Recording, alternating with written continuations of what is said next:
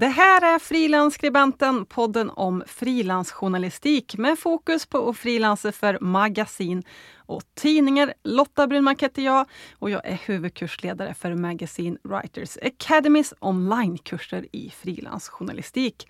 Välkommen!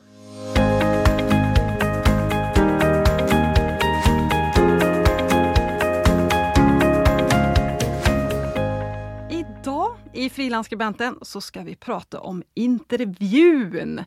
Det här är någonting som vi kommer att återkomma till för det finns oändligt mycket att säga om intervjuer. Hur man tar kontakt, hur man formulerar frågor, vem man ska intervjua, hur man ska intervjua, när och var man ska intervjua, eh, vanliga intervjumisstag. Ja, som du märker, det finns väldigt mycket att säga om själva intervjun. Eh, vi kan väl säga att det här blir som del ett av många delar, för det här är någonting som, som vi, vi liksom måste återkomma till. Det är ju en viktig del i att vara journalist, journalist och kunna intervjua. Eh, idag så tänkte jag att vi skulle börja kika på några dos and don'ts när det gäller själva frågeställningen. Till min hjälp kan jag säga eh, tar jag faktiskt eh, Björn Häger. Han har skrivit om eh, intervjuteknik. Han är inte här, men ja, jag har hämtat lite idéer från, från honom, för han har skrivit mycket om det här. För ibland så går ju intervjuer väldigt, väldigt lätt. Man klickar med intervjupersonen, intervjuobjektet. Och ibland är det jättesvårt, man får inte ut någonting alls. Allt beror ju på vilket ämne då som man, som man avhandlar. Hur bekväm man själv är som journalist, hur bekväm man är i själva situationen.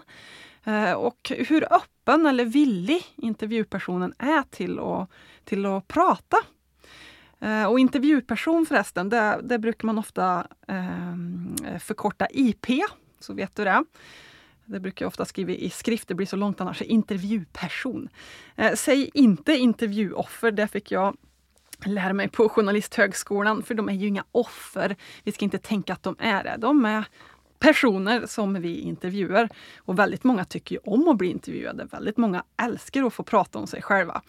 En del kanske tycker det är mer jobbigt, men de är inga offer för det. Eh, vi börjar med ett basic knep. Lyssna. För det är så lätt hänt, särskilt som nybakad journalist, att man blir så exalterad över hela intervjusituationen och man kanske blir väldigt upptagen av sina egna frågor.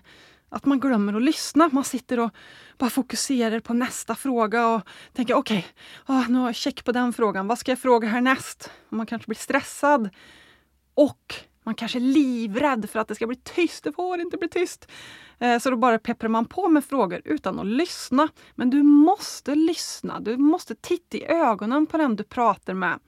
Och är det så att du antecknar eh, så får du varva mellan att titta ner och titta upp. Eller så spelar du in på diktafon eller mobil, det är ju en smaksak. Och då kan du ju vara, vara med då på ett annat sätt. Det är precis som, som du vill.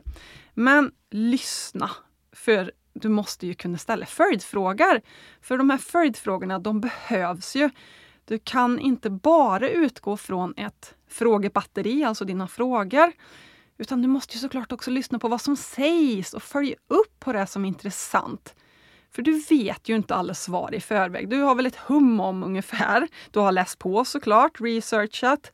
Men det kommer ju komma upp saker i intervjun som du bör följa upp på. Sen då den här tystnaden som jag var inne på. Var inte så rädd för att det ska bli tyst. För att tystnaden är jätte, jätteeffektiv ibland. Jag använder mig ofta av det knepet. Jag låter det bli tyst. Ibland behöver jag tänka efter själv också. Jag kanske inte kommer på exakt vad jag ska säga hela tiden. Då kanske man, man bara kan lugna ner sig lite och bara nicka. Och då kanske IP skruvar på sig och fortsätter prata då kanske personen känner åh, nu, själv då att det blev lite obekvämt med tystnaden. Och då kan du få ut mer. Och då hinner ju den reflektera också eh, och tänka efter och kanske säga något mer. För är det så att du har en person som inte säger så jättemycket, blir lite tyst emellanåt, så förhoppningsvis tycker den att det är lite jobbigt och fortsätter då prata. Man får testa lite.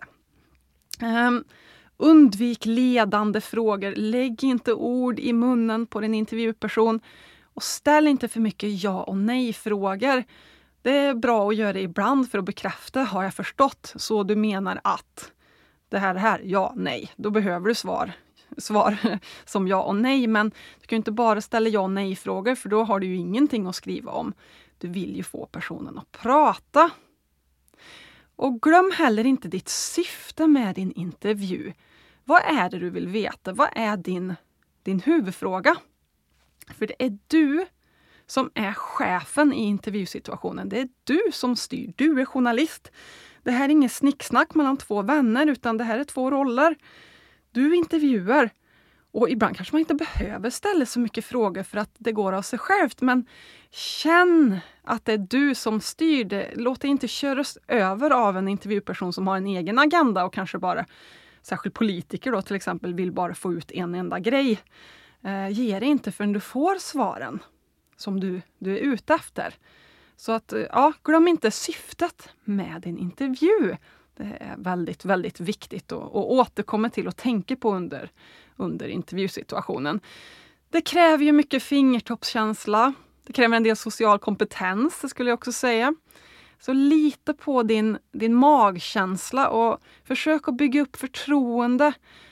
Det kan vara bra att kallprata lite i början med intervjupersonen. Lär känna varandra lite innan du börjar gå in på, på, på dina frågor. Ja, hur lär man sig mer då? Jo, genom att öva, öva, öva, öva. Man blir nog aldrig klar med det här. Man eh, upptäcker eh, nya saker hela tiden och personer är ju komplexa. Vi människor är ju komplicerade varelser. Jag tycker det är jätteintressant att intervjua. Det, det blir ju alltid olika. Så är det så att du känner väldigt osäker, väldigt nervös, så varför inte då testa på någon bekant? Prov ett ämne, prov att intervjua lite och se hur det går. Vi kommer och återkommer till det här med intervjuteknik och intervjusituation i kommande avsnitt av Frilansskribenten. Men jag tänker att det här kan bli din introduktion. Alltså lyssna, väldigt viktigt. Testa att vara tyst. Eh, undvik ja och nej-frågor. Undvik ledande frågor. Lägg inte ord i munnen. Kör lite ja och nej-frågor ibland. Det kan vara bra för att förstå som sagt var. Eh, och glöm inte att det är du som styr. Och glöm inte ditt syfte med intervjun. Vad vill du ha ut? För det var allt för idag. Är du nyfiken på våra onlinekurser i frilansjournalistik som vi håller på Magazine Writers Academy, då är du hjärtligt välkommen att gå in på vår hemsida magazinewriters.academy Sweden. Jag hoppas att vi hörs snart igen här i vår podd Frilansskribenten. Det säger jag som heter Lotta Brunmark. Lycka till nu med dina intervjuer och skriv så det gnistrar.